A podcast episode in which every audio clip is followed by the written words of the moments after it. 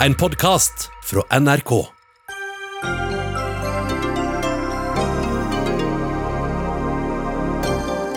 Dagligvareaktørene skal tilby flere og billigere varer, mener regjeringen, men har lagt de kraftigste tiltakene i skuffen. Dette er for spinkelt, sier Frp. Oslo-filharmonien gleder seg over mange visninger for sine gratiskonserter på nett. Disse er svært skadelige for kulturnæringen, svarer kritiker. Samstemt Oslo-presse forstår ikke norsk verdiskapning, skriver politisk redaktør i Nordlys. Blir populære av å snakke ned Oslo, svarer sjefredaktør i hovedstaden.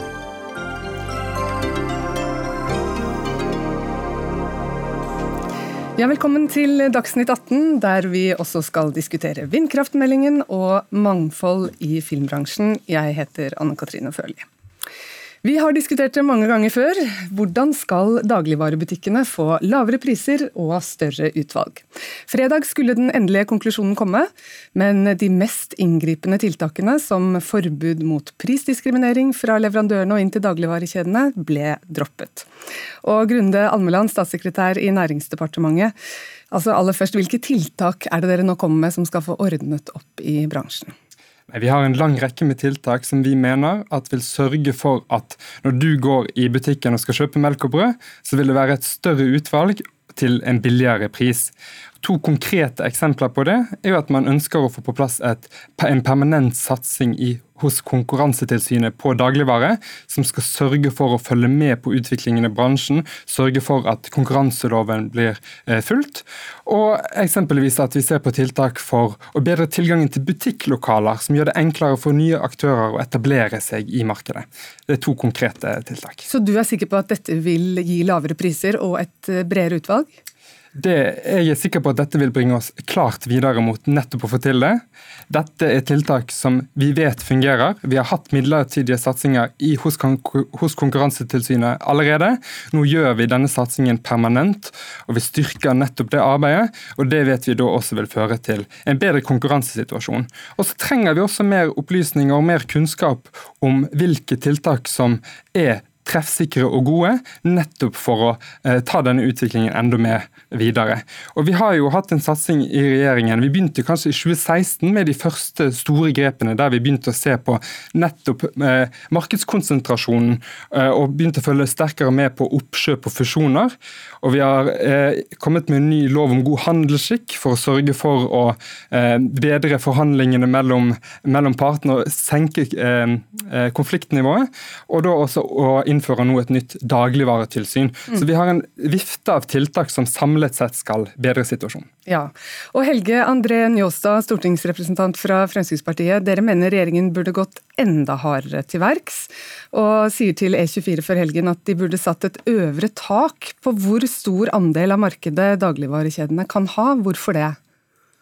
Nei, De er flinke i, i, meldingen å beskrive problemet, men de gjør veldig lite for å, å, løse problemet. Så Skal de bli enige med oss om denne meldingen, så må de gjøre mer for å komme forbrukerne i møte. Det er jo de vi er opptatt av, at forbrukerne i Norge skal ha eh, god kvalitet på produktene, og ikke minst at det skal være mulig å produsere gode produkter i hele landet.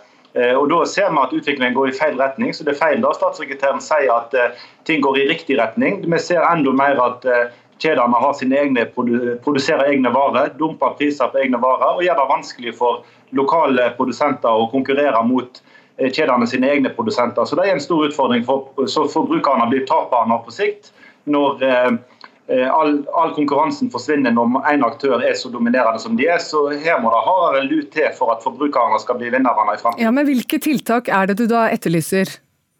Først og fremst er det jo at Kjedene er for mektige når de sitter på alle sider av bordet. Både distribusjonsleddet, men òg at de blir produsent som kan dumpe prisene på egne produkter, som gjør at de konkurrerer ut private.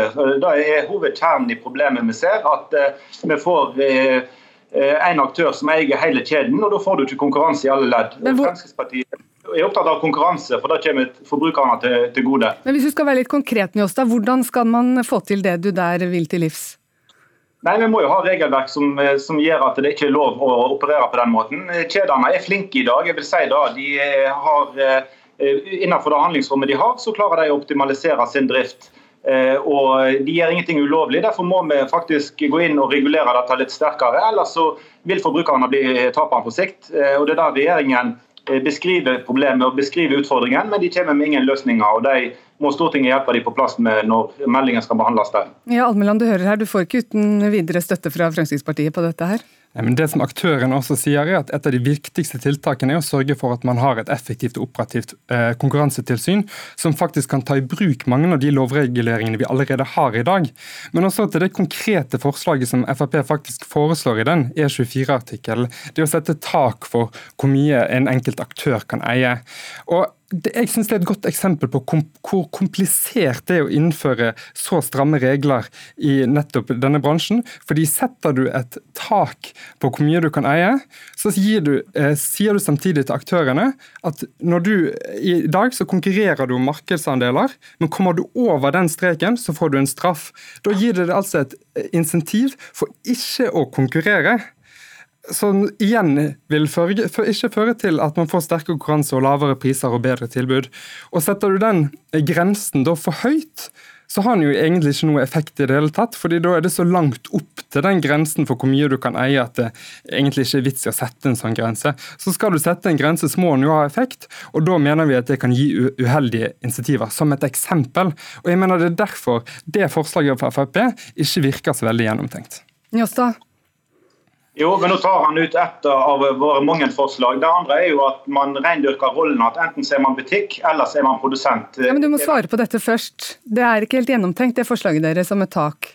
Jo, det er gjennomtenkt, men man må se helheten på de forslagene vi har. for å, å se dette. Vi er opptatt av å sikre lokale produsenter mulighet til å konkurrere. og Det blir veldig vanskelig å konkurrere når kjedene har egne produsenter og de kan dumpe priser. Det er der kjernen i problemet ligger. så Jeg kunne godt tenke meg å høre hva regjeringen syns om det forslaget vårt, om at man skal unngå den dobbeltrollen, at kjedene sitter på begge sider av bordet og dumper priser på egne produkter, og gjør at eh, lokale produsenter og andre aktører ikke har samme konkurransevilkår. Det, ja, for... det er det som er hovedproblemet. Ja, men da tar vi det, Almela Almeland, fordi alle aktørene her virker å være veldig fornøyd med disse tiltakene. Betyr det nå at dere har lyttet for mye til de mektigste i bransjen? Jeg mener jo at Det vi gjør nå, er å si ganske tydelig fra om at konkurranseloven skal følges, og man skal ta et tilsyn som er på banen og følge med på dette. her. Eh, og En av de klare, klare bekymringene som en del av de mindre aktørene hadde, var jo nettopp på konkurransen med innkjøpspriser. Sant? At eh, noen, de store eh, aktørene har en så stor fordel av lave innkjøpspriser at det er vanskelig for andre å etablere seg. Mm. Eh, og Der går vi jo inn også med konkrete tiltak nettopp for eh, å sørge for at vi har den kunnskapen vi trenger, Konkurransetilsynet følger med. sånn at dersom en aktør misbruker sin dominerende stilling, som er en regel i konkurranseloven, så har vi mulighet til å slå hardt ned på nettopp det. Mm. Men dette har vært så vanskelig at din eh, regjeringskollega Peter Frølich har sittet her i studio og tatt til orde for et forbud mot nettopp det, mot prisdiskriminering. Og det ble i forkant pekt ut som et tiltak som kunne løse løse dette her. Har dere gitt opp det? Altså, vi, I starten av denne debatten så var det mange som pekte på nettopp eh, et forbud mot eh, prisdiskriminering. Og Etter hvert som debatten har utviklet seg, så er min opplevelse også at flere og flere aktører har gått bort fra det og nettopp peker på de tiltakene som vi kommer med. Og Et eksempel på hvorfor nettopp prisdiskriminering, eh, forbud mot prisdiskriminering kan være utfordrende, er jo fordi at når man i dag så konkurrerer man om å få lavest mulig pris på en vare. Eh, og når eh, de andre aktørene i bransjen er garantert å få den samme lave prisen, så har man ikke lenger et insentiv om å få konkurrert seg fram til den lave prisen. Og Da vil et sånt forbud mot prisdiskriminering kunne virke mot sin hensikt og nettopp sørge for at prisen etablerer seg på et høyere nivå. Og Det er derfor jeg mener det er viktigere å sørge for at man har et operativt konkurransetilsyn som er på banen, følger med, har mulighet til å få all den informasjonen man trenger, sørger for kontroll og overvåking i markedet og kan slå ned der konkurranseloven brytes. Ja, da har vi snakket lenge om de store aktørene i dagligvarebransjen, og en av de, eh, de er deg, Stein Rømmerud, konserndirektør for kommunikasjon og samfunnskontakt i Norgesgruppen. Jeg må bare si at Dere har 43,7 av eh, markedet i denne bransjen, og så langt i år så har omsetningen økt kraftig, også særlig da under koronapandemien. Hva vil disse tiltakene her ha å si for dere? For det første så vil jeg understreke at eh, som et stort handelshus så forstår vi at søkelyset rettes mot oss og mot de andre aktørene i markedet. Det er, det er få aktører eh, i den norske dagligvarebransjen. Eh, men det er bra nå at regjeringen legger fram en stortingsmelding som gir et samla bilde av hele konkurransesituasjonen i dagligvarebransjen. Og vi støtter jo en styrking av Konkurransetilsynet, og vi støtter opprettelsen av Handelstilsynet. For Vi er opptatt av en sunn og rettferdig konkurranse i, i markedet. Men Vil det endre noe for dere? Eh, det vil eh, for det første føre til at eh, jeg tror innsikten blir bedre. Hvis man styrker Konkurransetilsynet, så vil de ha ressurser og kapasitet til å sette seg ordentlig inn i problemstillingene. For det er ganske komplekse saksfelt dette er. Men målet må jo hele tiden være at konkurransen er god, og at den er effektiv, og at forbrukerne får lavest mulig pris. Ja, for det er det mange lurer på nå, da. Får vi nå billigere mat og flere varer å velge mellom i butikkene deres? Ja, Vi eh, kjemper jo hver eneste dag for å prøve å holde prisene på et eh, fornuftig nivå. Eh, det er mange ting som driver prisene i det norske markedet feil vei, enten det er importvernet eller om det er høye avgifter. Og Derfor er nettopp forhandlingene som vi gjør på vegne av norske forbrukere overfor leverandørene, veldig viktig, sånn at vi hele tiden får prisen ned. Men det er fortsatt uh, høye priser i det norske markedet, og det er også en av grunnene til, at uh, vår kjede Kiwi valgte å sette ned prisene på over 200 varer nå uh, tidligere i vår. Mm. Og så har dere fått en del kritikk for disse forhandlingene, at dere er ganske beinharde der. Og Konkurransetilsynet har tidligere avdekket at dere har 15% innkjøpsfordel fra noen leverandører på enkelte varer i forhold til konkurrentene. Hva sier det om den makten dere har her? Ja, Den undersøkelsen til Konkurransetilsynet den eh, er eh, langt mer nyansert enn det. Tallet 15 har jeg hørt mange ganger, men det er jo ikke, er jo ikke reelt. Eh, den, den, reelle forskjellen er veldig mye mindre, og du vil finne varegrupper der vi har dårligere betingelser enn en Coop og Rema, som er konkurrentene våre. Men vi er eh, den største aktøren og kjøper inn de største varepartiene. Da får vi også de beste prisene. Det er veldig logisk, og det mm. vil vi bruke til å gi forbrukerne lavest mm. mulig priser. Ja, for dere blir veldig ofte utpekt som det store problemet fordi dere er størst. Og hva, hva, hvordan forholder dere til det, da? Vi, du kan si Størrelsen til eh, Norgesgruppen er et resultat av langsiktig jobbing over veldig mange år. Vi har vært eh, gode på innkjøp og vi har vært gode på butikkdrift, og vi har jobbet veldig lenge for å prøve å komme dit vi er i dag. Så Det er en konsekvens av langvarig hardt arbeid, og et, også et godt eksempel på at eh, i et marked som det norske, så er det viktig å konkurrere godt og jobbe langsiktig og profesjonelt. Da får man også resultatene. Og så har dere tjent mye penger, eh, og disse pengene kan vi håpe at noen av de kommer eh, kundene til gode nå etter hvert? Vi har norske eiere som tenker langsiktig og som investerer i norsk verdiskapning og norske arbeidsplasser, så det vil vi fortsette med. Vi har også med oss Rikard Friberg, du er professor ved Norges handelshøyskole. Og regjeringen har, som vi hørte tidligere her, lenge vært ivrig på å identifisere hvorfor nordmenns matbudsjett fordeler seg i hovedsak på Coop, Rema 1000 og Norgesgruppen.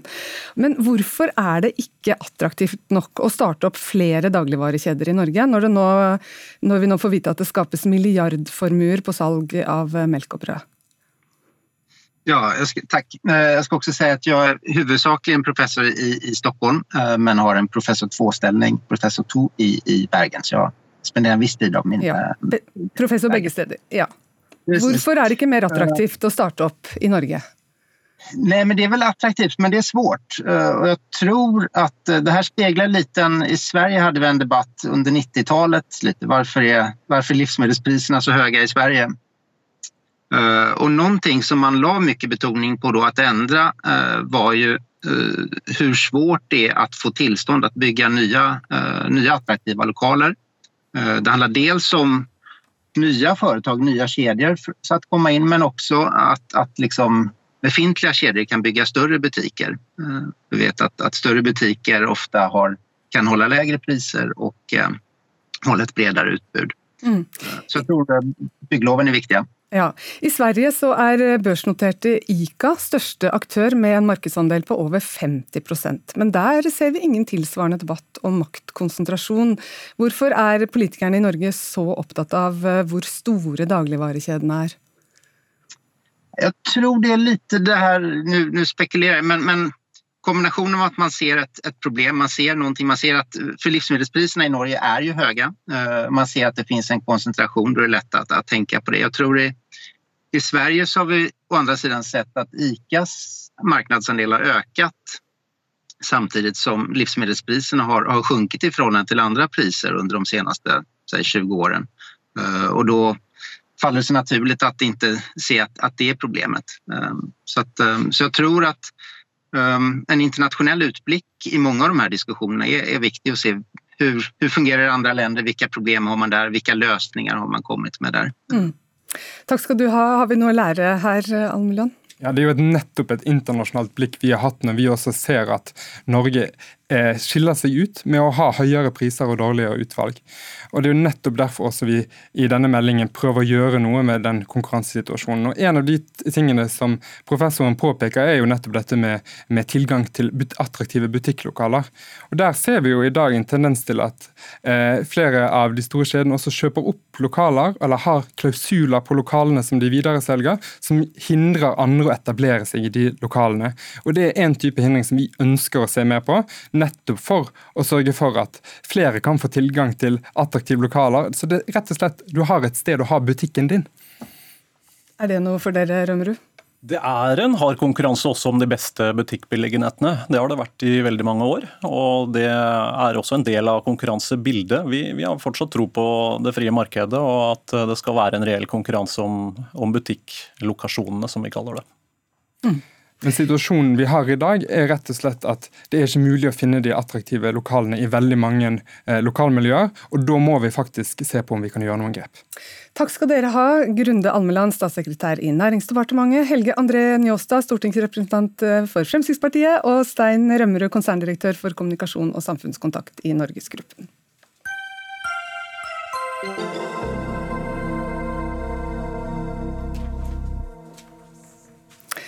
At riksmedienes tid er forbi, og at de samme mediene mangler nyanser og forståelse, det mener redaktør, som kommer hit senere i sendingen. Men nå.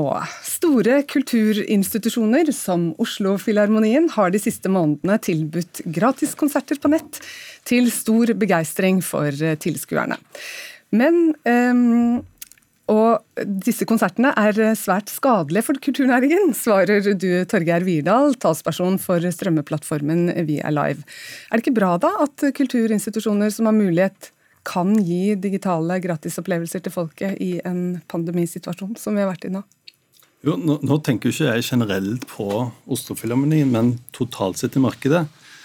Um, og jeg tror jo at den den krisen vi står i nå, hvordan den påvirker eh, kulturnæringen, er, det er like viktig hvordan vi håndterer krisen, som hvordan krisen i seg selv påvirker eh, næringen.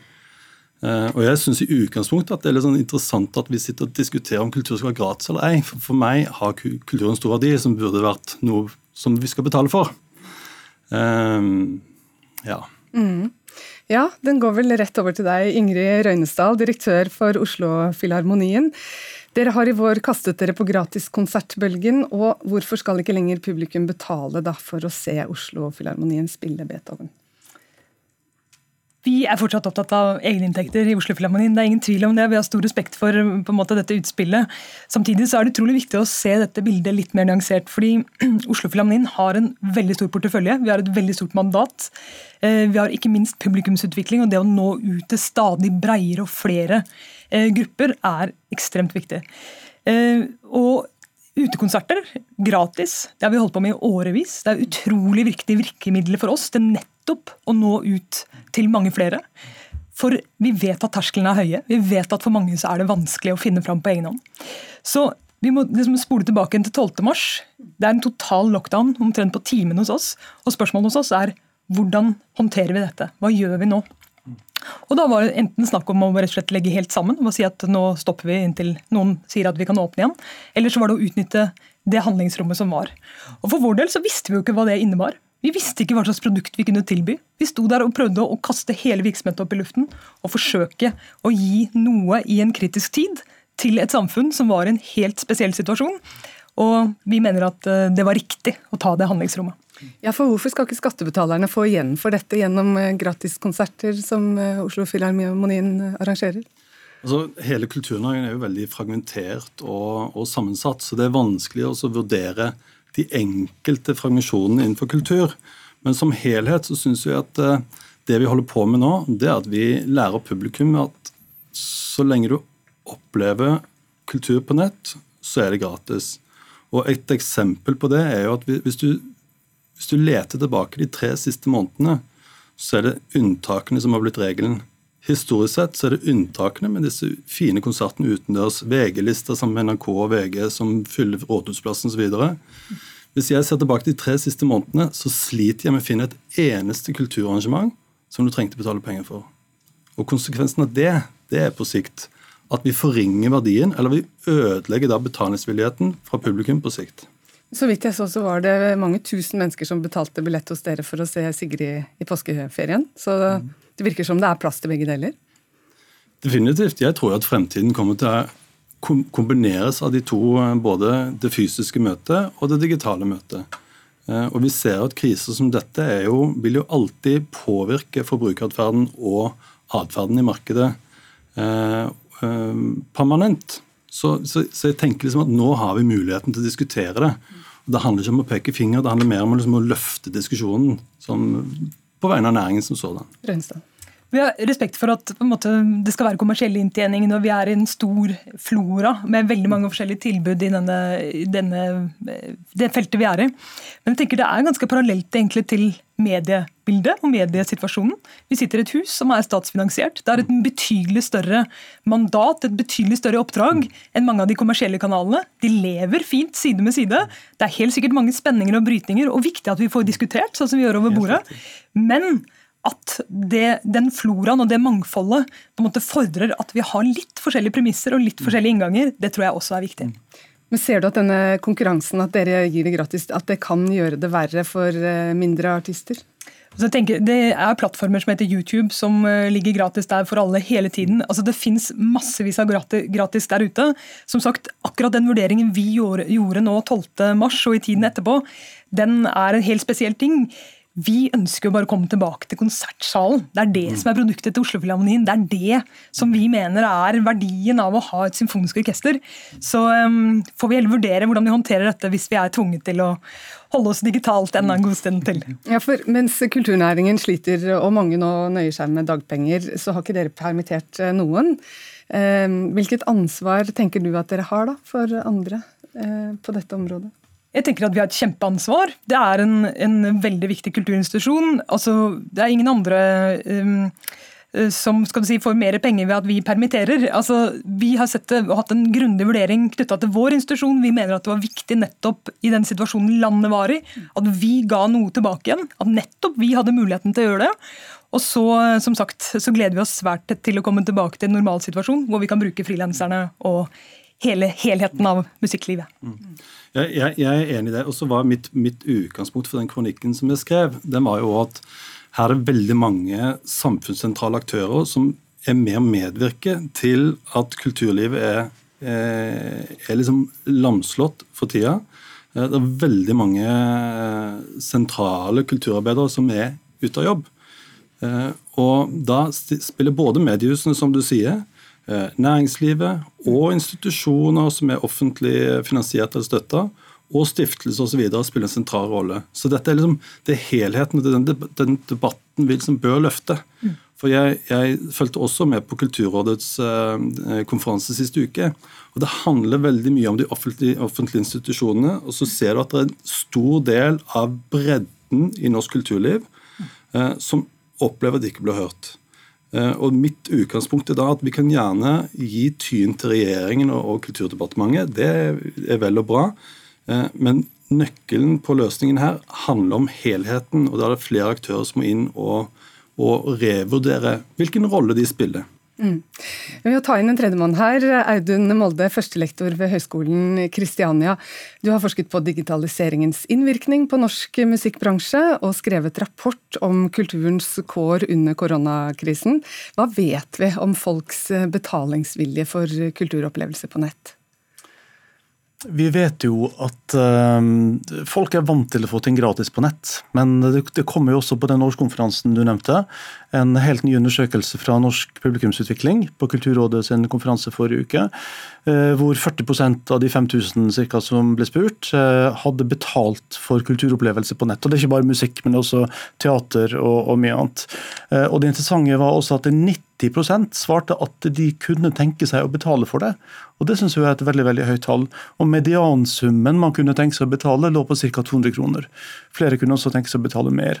Så det kan nok hende at det finnes en, en, at det vokser fram en modenhet i publikum, en forståelse for at også kultur på nett er kultur. Mm. Som du ser det, har vi plass til begge disse to aktørene her? Ja, det mener jeg absolutt. Um, jeg skrev en kronikk i april hvor jeg foreslo at eh, etter koronakrisen kommer det kanskje en todelt livebransje, hvor vi har, folk vil møtes igjen. Konserter er jo det motsatte av sosial distansering. Uh, men at vi samtidig også har en type digital eh, konsertformidling. da. Um, men husk at livestreaming er jo ikke noe nytt. Det har man holdt på med i mange år. Det som er nytt nå, er jo at så veldig mange har blitt oppmerksom på det. Og det har også kommet nye og kreative måter å gjøre det på. Så jeg tror vi, som begge to snakker om her, at vi er inne i en sånn brytningstid hvor det er mange muligheter til å tenke litt annerledes og, og finne ut ok, noe må være gratis. Det er fint med gratiskonsert, jeg er helt enig i det, men vi kan ikke la gratis være den nye normen at alt skal mm. i utgangspunktet være gratis. Ja, for Hvordan vil denne vårens og sommerens gratiskonserter på nett tror du påvirke publikums betalingsvilje framover? Altså, du må huske at Det er to store vinnere den våren. her, og Det ene er jo publikum, som, som har fått masse flotte kulturtilbud uh, i en krisetid. Og så er det Facebook og, og, Google som har fått masse brukerdata. Sant?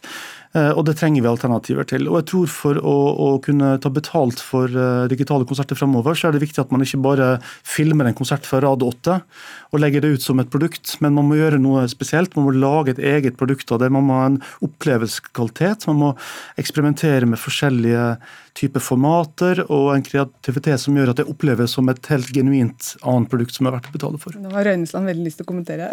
ja, bare det er så utrolig viktig å si igjen tilbake til hva er det vi snakker om.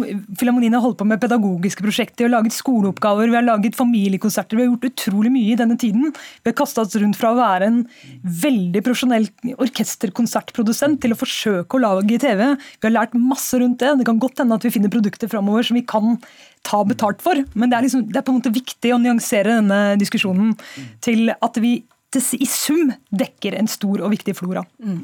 Men ta, ta Oslo-filharmonien, da. Hva slags ansvar har kulturinstitusjoner som dem for resten av bransjen? Ehm, dere har jo det ansvaret selvfølgelig å skape kunst, og formidle kunst. Lage gode musikkopplevelser, kulturopplevelser og kunstopplevelser. Og formidle det på, også på nye måter, i tillegg til de tradisjonelle måtene. Uh, og, og, jeg tror at vi er inne i, i en sånn brytningstid nå. Uh, hvor man, Hvis man ikke bare gjør som man har pleid å gjøre før, men også tenker litt nytt, så har vi muligheter nå for å, å både begå store feilgrep og for å gjøre mye god nytenkning. Og, og, jeg tror Mye av det som ligger under her av en sånn frykt i musikkbransjen, det er jo det som skjedde for 20 år siden. Da Napster kom og, og platesalget forsvant og på en måte musikkbransjen ga bort alt innholdet sitt gratis på nett. Og hadde panikk i flere år før man fikk det tilbake. Nå er mange redd for at det samme skal skje en gang til. Og det må vi unngå. Ja, det må vi unngå. Vi må unngå det, men, altså, men vi har spilt inn uh, innspillinger og har Spotify alle mulige kanaler hvor vi fortsatt selger musikk på en måte, og fortsatt tar betalt for det vi driver med. Poenget er nå at vi har drevet TV. Uh, vi skal fortsette å gjøre digitale ting, men primært skal vi spille konserter for et publikum, og vi har stor forståelse av at det må tas betalt for. Er du betrygga, Virdal? Jeg eh, blir mer trygg. Og så vil jeg bare si at det er jo denne undersøkelsen fra, fra, forrige uke den viser jo at den går glipp av en stor mulighet. fordi Publikum er jo villig og interessert i å betale for kultur på nett. Og da spesielt for disse kulturinstitusjonene som, som Oslofilharmonien f.eks. Og når vi slipper å sitte med to meters mellomrom, og vi vet hva slags produkter vi kan eh, tilby, og når vi vet hva vi kan presentere for et digitalt publikum, så tror jeg vi skal vurdere det. også. Takk for at dere kom i studio, Torgeir Virdal, Ingrid Røynesdal og Audun Molde.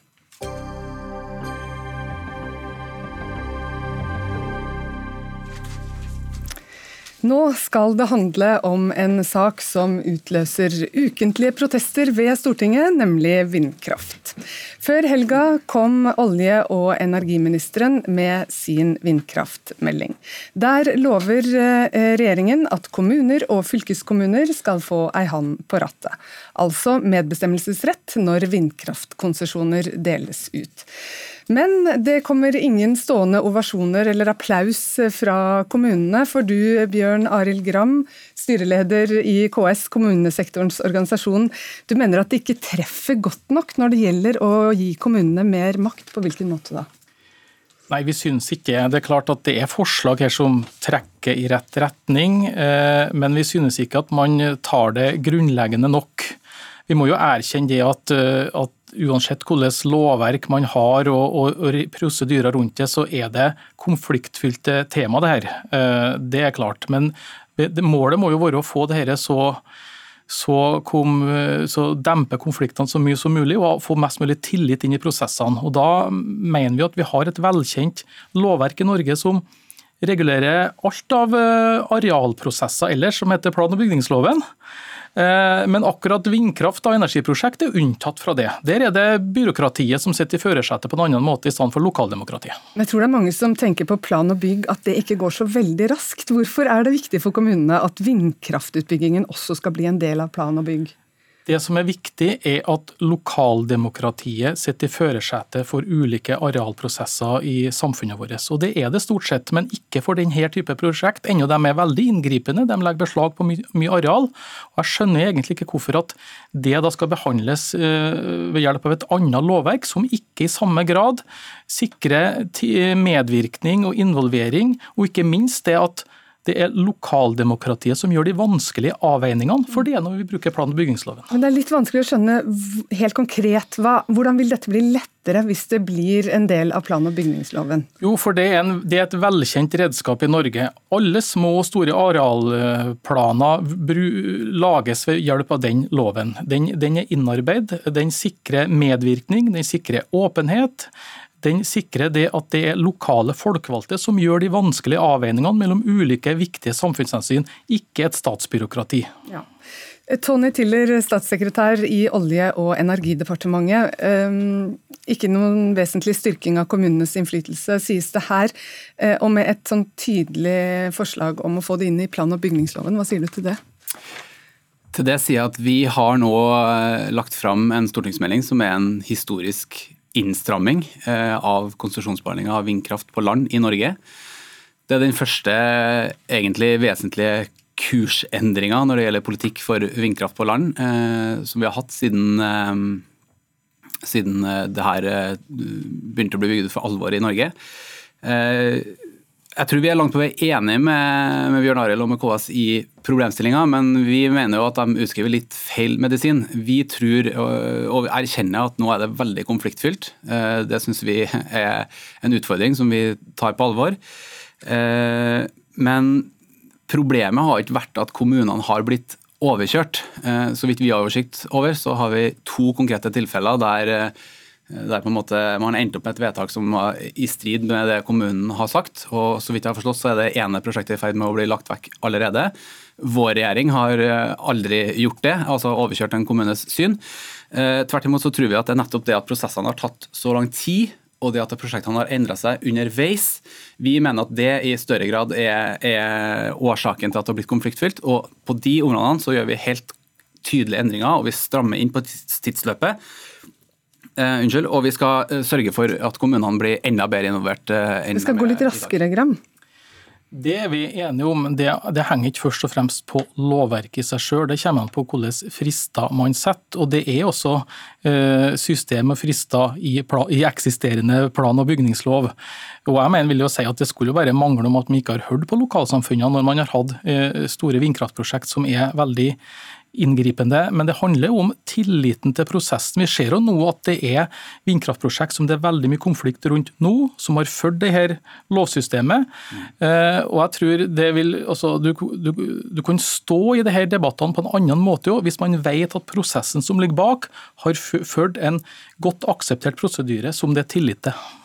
Vi, altså, vi, er veldig for lokal medvirkning, og vi bruker mye plass på det i den meldinga vi har lagt fram for Stortinget nå.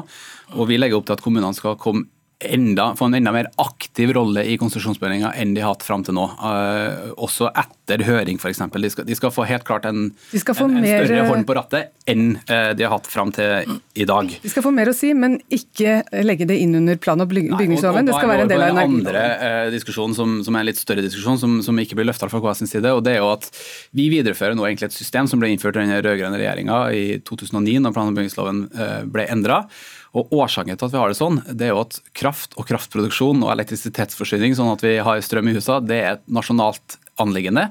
Eh, og vi mener at Der må vi ha oversikt fra nasjonale myndigheters side. Og så har jeg lyst til å legge til en ting til. Det som var eh, poenget, altså Mye av opphavet til konflikten er som sagt at det har tatt så lang tid. Jeg tror det i utgangspunktet er mindre viktig hvem som tok beslutninga underveis. For det vi har opplevd er jo at Kommunene har jo vært positive. Noen kommuner har til og med lagt inn i arealplanene sine at de ønsker vindkraft. Og Det har vært bredt forankra i Stortinget, og alle har vært enige om at det har vært en villet utvikling. Ikke minst har det, var det lagt opp til det fra den forrige, forrige regjeringa, og fra Senterpartiet spesielt. Og så har vinden bokstavelig talt snudd, og kommunene har endra syn og, og blitt imot. Og Da tror jeg ikke det hjelper om det er kommunestyret opprinnelig som har tatt det, den beslutninga, hvis, de, hvis de senere likevel ombestemmer seg. Men, men, jeg tror det betyr noe om hvilken prosess som ligger bak, også når, du, når disse konfliktene kommer opp. Vi er enige om at, at, at, ting har tatt lang tid. Til det med om at ja, dette er viktige nasjonale hensyn, derfor så må vi ha det her lovverket. Så til det å si det at Store samferdselsprosjekt, industriområder, forsvarsanlegg. Alt dette planlegges etter plan- og bygningsloven. Det er også viktige nasjonale hensyn. så jeg, jeg kjøper ikke helt det argumentet om at akkurat dette er en sånn unik sektor at det ikke kan vurderes på linje med andre store uh, arealinngrep. Eh, vi må ta inn en tredjemann. Lars Gulbrandsen, forskningsleder Fridtjof Nansens eh, institutt. I hvilken grad vil du si at kommunene har fått mer makt i disse vindkraftsakene nå med denne meldingen? Jeg vil si at eh, meldingen eh, har mange gode anbefalinger, eller mange gode ting som regjeringen varsler når det gjelder tidsfrister og, og høyde på turbinene i, konsesjonene osv. Men når det gjelder akkurat dette med kommunenes medvirkning, så syns jeg at meldingen i beste fall er ganske uklar. Altså det er Altså det står i meldingen at uh, altså I dag er jo kommunene høringspart, i likhet med andre parter som høres. Og, de har klagerett og innsigelsesrett. Det liksom, og det stopper litt der. Mens uh, meldingen sier at nå skal kommunene ha kontakt med utbygger i en tidlig fase. Det har de jo i dag. altså Veldig ofte er det uformell kontakt i en tidlig fase. Så det, det er ikke noe nytt, bare at det kanskje formaliseres litt mer. Og så står det i meldingen at de skal råde i NVE om tidsløp. Det er fint, men det gir dem jo ikke så stor innflytelse i seg selv. Og så står det at de skal eh, konsulteres i meldings- og søknadsfasen. Og Det er kanskje det som er den største forskjellen. Da. Men da er jo spørsmålet mitt tilbake til OED og statssekretæren. Hva betyr at de skal konsulteres? Og hva er den store forskjellen på det å være høringspart? Og Poenget til KS er jo at eh, hvis det hadde vært plan- og bygningsloven her som gjaldt for arealavklaringen, så ville jo kommunen gjort mye mer enn å være en konsultasjonspart. De ville nettopp være en arealplanmyndighet. Og jeg blir litt overrasket når OED til stadig gjentar at eh, ja, energi er et nasjonalt anliggende, derfor kan ikke plan- og bygningsloven anvendes på vindkraft og andre store energianlegg. Men poenget er jo ikke at, eh, at eh, energiloven skal settes til side. Man vil fortsatt gi konsesjon etter energiloven, men du vil også ha en prosess som går samtidig med kommunal areal arealavklaring.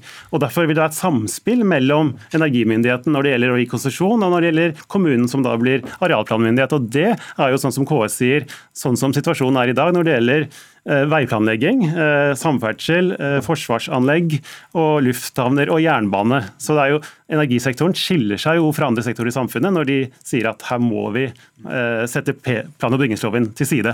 Tonje Tiller, du må svare ja, nei, på spørsmålene. Skal, altså, det samspillet skal vi få til, og det legger vi, jeg er glad for å si det, at meldinga også legger opp til det. Og så skal vi få lov til å konkretisere det enda mer enn, det står i meldinga. Men bl.a. så skal NVE, da, som er konsesjonsmyndigheten og som behandler de her søknadene, de skal utarbeide en ny eh, veileder for konsesjonsbehandlinga. og Der skal KS bl.a. bli involvert inn å hjelpe til å utforme eh, den eh, veilederen. Eh, og så eh, vet ikke om vi har tid til hele det, men altså, det, det, det, lar seg ikke så lett sammenligne med veiutbygging og andre ting. For det, det finnes nasjonal transportplan for veiutbygging òg. Og ofte dessverre da, så ender sånne prosesser opp med at man bruker noe som heter statlig plan som gjør at, at kommunens syn til syvende og sist kanskje da må settes til side likevel.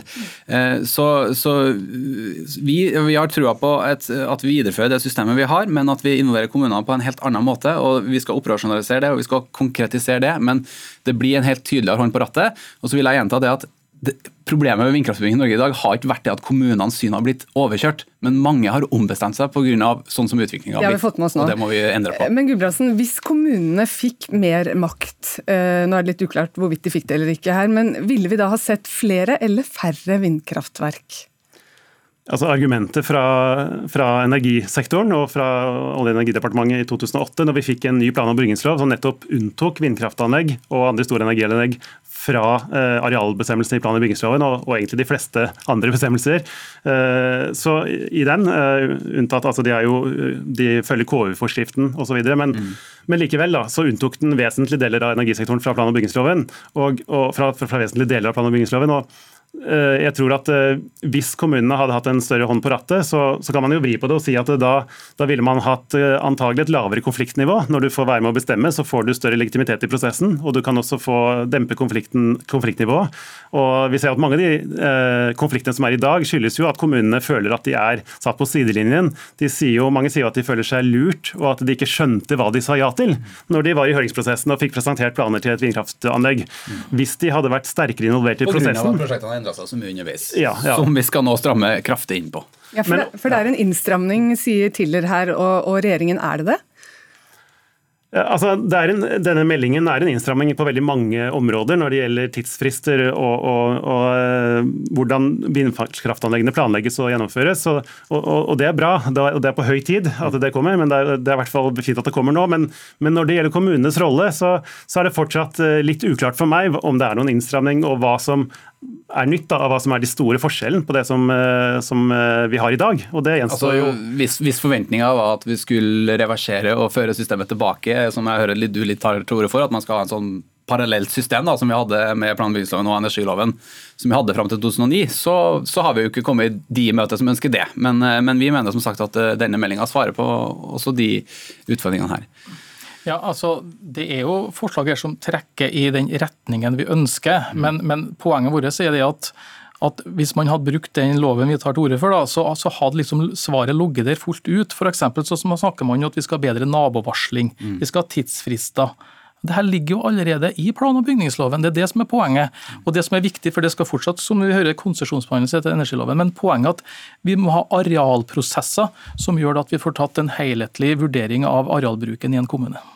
Noe sier meg at vi kommer til å diskutere dette igjen her i Dagsnytt 18. Takk for at dere kom. Tony Tiller, statssekretær Olje- og energidepartementet, Bjørn Arild Gram, styreleder kommunesektorens organisasjon, og Lars Gulbrandsen, forskningsleder Fridtjof Nansens institutt.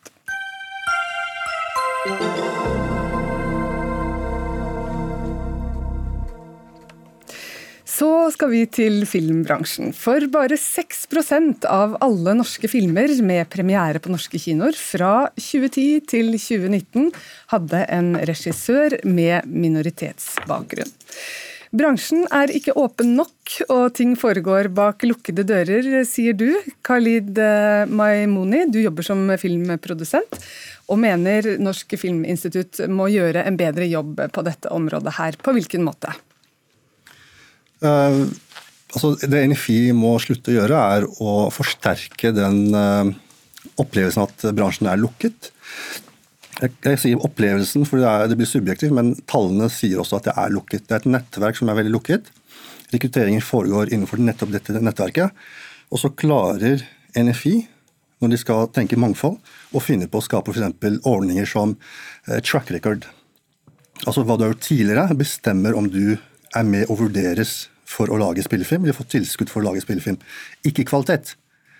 Eh, så jeg tenker, altså Første forslaget her og nå er jo å begynne der, og ikke eh, skape nye forskrifter og ordninger som egentlig er til hinder. Mm. Vi må ta med oss på veien her. Hva er konsekvensene synes du, av at det er så få med minoritetsbakgrunn som får eh, støtte i dag? Det gjør at den profesjonen her for en gruppe blir en slags den underklasse. De kan ikke leve av det. De må, altså I et, et tilfelle så måtte de pante huset for å lage filmen. Eh, det er ikke den veien jeg vil at folk skal gå. Eh, folk lager film på kredittkort istedenfor Å kunne gå til NFI og argumentere for sitt prosjekt på kvalitet. Og dette er ikke særskilt for minoriteter eller filmskapere med flerkulturell bakgrunn hele bransjen, altså de største selskapene, går konkurs i morgen hvis NFI ikke er med og bidrar til å løfte de og, og gjøre det lønnsomt for dem å drive med filmproduksjon i et lite land og marked som Norge. Så dette er ikke noe spesielt for minoriteter, dette gjelder hele bransjen. Da må vi ta inn deg, Kjersti Moe, du er direktør i Norsk Filminstitutt. Eh, deler du virkelighetsoppfatningen hans? Jeg tenker jo at Noe av det viktigste grunnen til å få et større mangfold i filmbransjen, er jo fordi at film er et utrolig sterkt kulturuttrykk som bør representere alle som bor i landet. Eh, sånn at hvis vi skal på en måte ha eh, holde formatet relevant, så må folk kjenne seg igjen. Og det er det for lite av i dag. Eh, sånn at det er utrolig viktig at vi klarer å oppnå det. Det er en ambisjon som vi er helt enige om. Har du hatt litt lite fokus på det? Det har eh, Altså, filmpolitikken er motsetningsfylt. Eh, så det har vært kanskje mye fokus på å konsolidere eh, rundt eh, store aktører. Eh, det gjør det jo da litt mindre fleksibelt å slippe til nye stemmer, f.eks. Ehm, sånn at det har vært en, en, tung vekting på det, og jeg, er jo helt enig med deg. Det er helt rim, et, et, rimelig innspill. Eh, og så har det vært en, jeg, en viktig føring eh, politisk. Eh, så det som vi har gjort nå, er jo å si at dette må vi gjøre noe med. Og Jeg begynte i denne jobben for et drøyt halvår siden, og jeg har Eh, en ambisjon om å gjøre en forskjell på, på, dette området. Til tross for at handlingsplanen ble laga før jeg begynte, så tenker jeg at det beste jeg kan gjøre nå, er å uh, komme inn og si hei, Khalid, la oss prøve å gjøre noe med dette sammen. Og vi har setter ned et referansegruppe nå for å prøve å være mer treffsikre og lagbyggere i det arbeidet framover. Og nå har vi masse på gang som vi skal gjøre framover. Ja, for dere har nevnt talentprogram, prioriteringskriterier. Eh, nå nevner du også et nytt eh, utvalg. Men vil dette føre til endring raskt nok? Nei. Og det har noe med at eh, altså, vi har nå en NFI-direktør. Ja, hun er ny. Men jeg opplever at hun er mye mer frempå. Jeg tror hun bryr seg på en helt annen måte enn tidligere. Eh, men vi er også i en tid hvor dette her er ikke et særnorsk problem. Vi ser i dag, altså Det er veldig aktualisert at det er et kjempeproblem over hele den vestlige verden.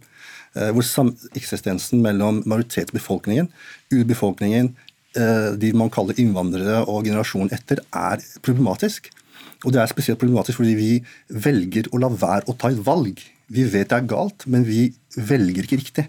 Og Det NFI har gjort med handlingsplanen, som ikke er, det er noe du arver fra tidligere. og Det er mange forskrifter der som jeg mener er snart avleggs, og som bør diskuteres. og Det blir en, en tøff oppgave for deg, for det er noe som må gjøres ikke bare i NFI, men i kommunikasjon med bransjen.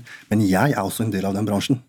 Jeg mener, jeg vil godt denne bransjen. Jeg tror den bransjen her, Den dagen den blir eh, representativt, så vil vi konkurrere på det høyeste nivået med verden i forhold til gjevepriser og, og, ikke minst publikum. Men Hvis det hun nevner da ikke er godt nok, hva er det som, det som må til? Substansen i det, hun, uh, det, hun, snakker om, det det mangler, er den reelle inkluderingen. Uh, handlingsplanen ble til uten inkludering. Det er mange arbeidsuhell som har skjedd allerede, nettopp fordi man har valgt å ikke ta oss i, i den dialogen.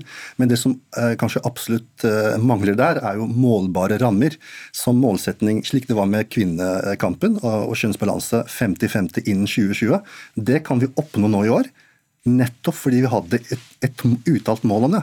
Men vi har ikke det når det kommer til eh, minoriteter. Og Man kan ikke bare si nei, minoriteter er et vanskelig spørsmål osv.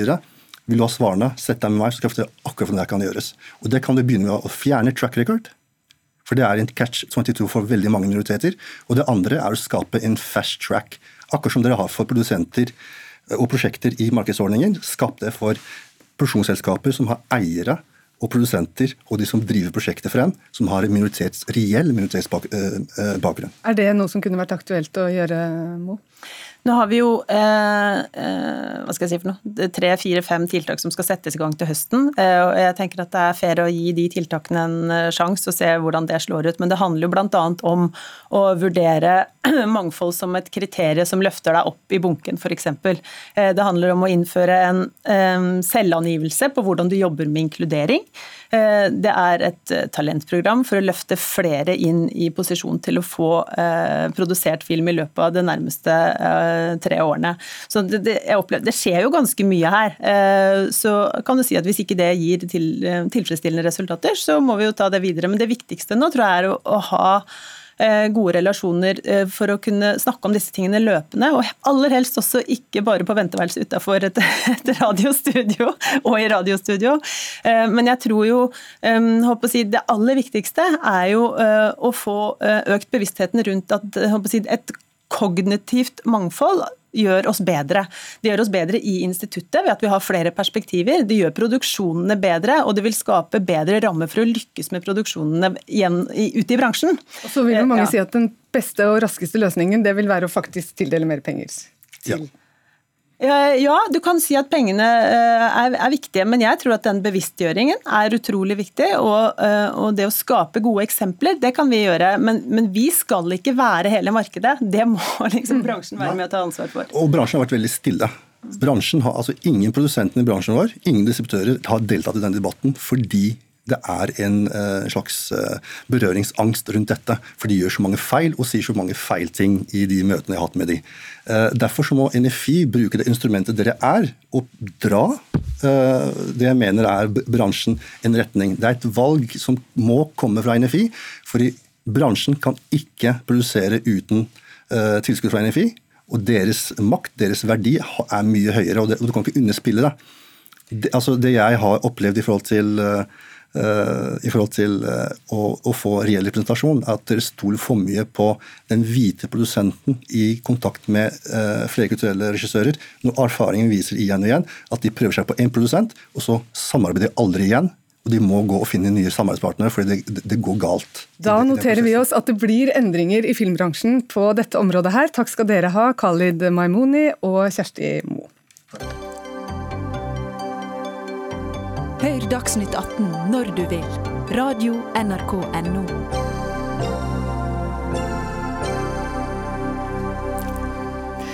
Igjen er det bråk mellom redaktører i nord og sør her i landet. For sitat, en nesten samstemt Oslo-presse er uten virkelighetsforståelse for norsk industri, og det er få igjen i Oslo-pressen med et noenlunde realistisk forhold til verdiskapning. Det skriver du, Skjalg Fjellheim, politisk redaktør i Nordlys. Helt konkret, hva er det som er problemet? Ja, det konkrete utgangspunktet her var jo denne, denne skattepakka til oljebransjen. Da, og Jeg lot meg fascinere over hvor samstemt eh, kommentariatet i, i, Oslo var i lederartikler og i kommentarer når det gjaldt dette spørsmålet. Der man jo eh, mer eller mindre samtlige aviser da advarte mot denne skattepakken, enten på prinsipielt grunnlag eller omfanget av den.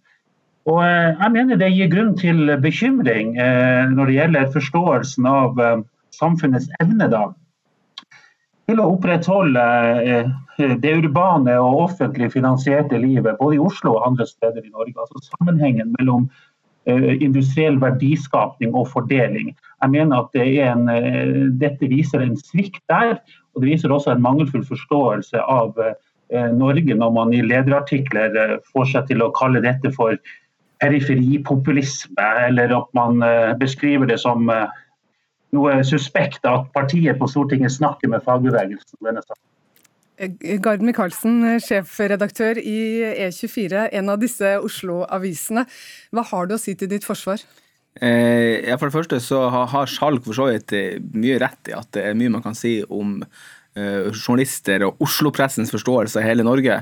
Uh, problemet er at det her er en sånn holder på å bli en klisjé som godeste Skjalg Fjellheim tar fram hver eneste gang han skal diskutere et eller annet. Om det er hvordan Oslo-pressen ødelegger norsk presse med faktisk.no, om det handler om Nord-Norge-banen, om det handler om, om regjeringskvartalet, om det handler om nå f.eks. den krisepakken til olje, oljebransjen. Det, det, skal sies om den pakken der, altså det, Problemet er at når han bruker, når han, hver debatt tar fram det her med Oslo-pressen og folk i Oslo, istedenfor å diskutere det som faktisk er saken, så blir det ikke noen gode diskusjoner. Det skal jo tillegges da at dette var ikke noe bare en del medier med hovedkontor i Oslo mente, men også Bergens Tidende og Stavanger Aftenblad var på kommentar- og lederplass kritisk til denne pakken. I, på, måte, på mange måter i, i, følge med en del internasjonale medier som alle nå advarer mot, mot, mot ja, du, ja. du, skriver at Fjellheim burde være mer opptatt av framtida til norsk industri, men er det ikke nettopp da industriens fremtid han fokuserer på her? Jo, for så vidt. Jeg mener at han gir jo, ved å skylde på Oslo, og framstille det her som at det er urbane folk i Oslo som vil legge ned oljenæringa, så Eh, sementerer han på en måte en, en, oppfatning om at eh, det her er liksom for, folk som vil legge ned lønnsom og god næring som har framtida foran seg. Altså Grunnen til at man er kritisk til en, en, del av innholdet i pakken, er jo fordi at man risikerer å, å bygge og gjennomføre ulønnsomme prosjekter, som f.eks. ilandføringsterminal i Nord-Norge, eh, på Veidnes i Finnmark, som er definert som ulønnsomt. Ja, Fjellheim, kunne du ikke kommet med noen gode poenger om norsk industri til oss da, i stedet for? Kan til å si at Det er jo veldig rart å høre Gar Micaelsen her eh, nærmest avfeie dette som noe sånn rituelt eh, Oslo-hat. For det er det altså ikke. Jeg snakker ikke om folk i Oslo, jeg snakker om den lille gruppa opinionsdannere i hovedstaden, meningsbærerne, kommentariatet i Oslo som Micaelsen sjøl er en del av. Jeg får minne Gar Micaelsen om at han for ganske få år tilbake var helt enig med meg når jeg kritiserte Oslo-pressen. Han skrev til og med i en kommentar at Fjellheim i Nordlys beskriver det godt når han skriver at fravær av perspektiver som kan korrigere hovedstadsmakten, blir stadig eh, eh mer problematisk i Oslo-media. Jeg vet ikke hva det som har skjedd med Gar Micaelsen. Han virker i hvert fall å ha blitt veldig godt integrert i, eh, i lauget i Oslo-kommentariatet. Du får svare på den, Michaelsen. Jeg på det, det, det som, som, jeg begynte med å si her, så har jo Skjalg et, godt poeng. og Det her er en interessant debatt. Problemet når det, når det her poenget er det eneste Skjalg Kvelheim skal diskutere i enhver sak, skylder på politikere, eller skylder på journalister, eller skylder på redaktører og kommentatorer i Oslo, så blir det litt kjedelig. Og, og, og særlig når han framstår som representant for Nord-Norge, og, og blir tolka som det. Eh, fordi at de han da representerer, kjenner seg heller ikke igjen i det. Og, og så blir det også litt sånn, det blir også litt sånn ensidig og endimensjonalt og alltid framstiller eh, mediefolk i Oslo som én unison flokk. Det er, I noen saker så er man enige om det meste, men det er stor forskjell på redaktører og kommentatorer i Oslo. Ja, vi har jo et stort altså, spekter, eh, Fjellheim. vi har nisjeaviser og ulike medier i Oslo også. Jeg begynner å lure på om Garmi Karlsen i det hele tatt leser aviser i hovedstaden eller noen andre steder i landet. For Hvis han ikke har klart å få med seg at min kritikk handler om måten kommentariatet, meningsstanderen i Oslo-pressen har behandla oljepakken på, så jeg er ganske forbausa over det. Eh, man skal huske på at dette Michaelsen, dette er ikke en lek med tall. Dette er blodig alvor for mange titusenvis av mennesker rundt omkring i dette landet som eh, som eh, trues av massearbeidsledighet. Og Leverandørindustrien i Norge er usedvanlig viktig. og Jeg oppfatter denne, denne eh, oljepakken som et bredt tverrpolitisk forsøk på å redde arbeidsplasser i Norge. Og jeg syns det er et problem for norsk presse at man i så liten grad har et mangfold, at man i så liten grad har differensiering, at man ikke klarer å speile dette fra ulike innfallsvinkler i, i, gjennom kommentarer og ledere i, i, Oslo. Du skriver også Fjellheim, at Oslo-kommentariatets kampanje blir fulgt opp av et skred av Oslo-professorer som pøser på med kronikker i, i samme aviser. Burde ikke de heller få spalteplass, da? Jo, absolutt. Eh, men dette har jo føyd seg inn i rekken av, av eh, føyd seg inn i det samme bildet. Vi har jo sett hvordan en lang rekke professorer ved Universitetet i Oslo har skrevet i Oslo-avisene om eh, hvordan denne oljepakka forhindrer nødvendig omstilling og grønn omstilling. Alle er enige om at vi trenger omstilling i landet vårt, men spørsmålet er bare hvordan skal vi gjøre det? Og skal vi sende mennesker ut i arbeidsledighet eh, som en del av prisen? Det er lett å tenke at dette Jeg savner nyansene, og jeg savner, eh, jeg savner en bredere forståelse. Og jeg syns at Gar Micaelsen burde komme seg litt ut, rapportere fra norsk næringsliv langs kysten, istedenfor å gjøre dette til en slags eh, debatt om en rituell Oslo-kritikk. Den er mye mye mer alvorlig enn som så. Jeg er ganske overraska over at du velger den innfallsvinkelen. Michaelsen. Jeg kan forstå bekrefte at jeg har vært i Stavanger i dag, og også i Stavanger Aftenblad så var det skeptisk til de, måte, den, den, siste delen av oljekrisepakken som kom for noen uker siden. Eh, mitt poeng er at eh, jeg har selvfølgelig fått med meg hva Skjalg skrev, og jeg fikk med meg hva han skrev denne gangen. Poenget mitt er at dette er en retorikk han bruker i enhver sak, uansett hva det handler om. Hvis Skjalg Fjellheim vil ha en god debatt om arbeidsplasser og industri, så kunne han da har skrevet en kommentar for hvorfor han mente det var riktig å gjennomføre denne oljekrisepakken, eh, som fra et ellers samla eh, Medie-Norge har blitt kritisert for å gå for langt. Da må vi sette strek, for denne tiden renner ut her. Takk skal dere ha, Skjalg Fjellheim og Gard Michaelsen. For eh, Dagsnytt 18 er slutt. Ansvarlig for innholdet i den var Fredrik Lauritzen. Teknisk ansvarlig var Hanne Lunås, og i studio i dag Anne Katrine Førli.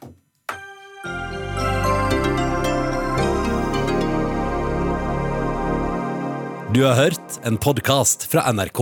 Hør flere podkaster og din favorittkanal i appen NRK Radio.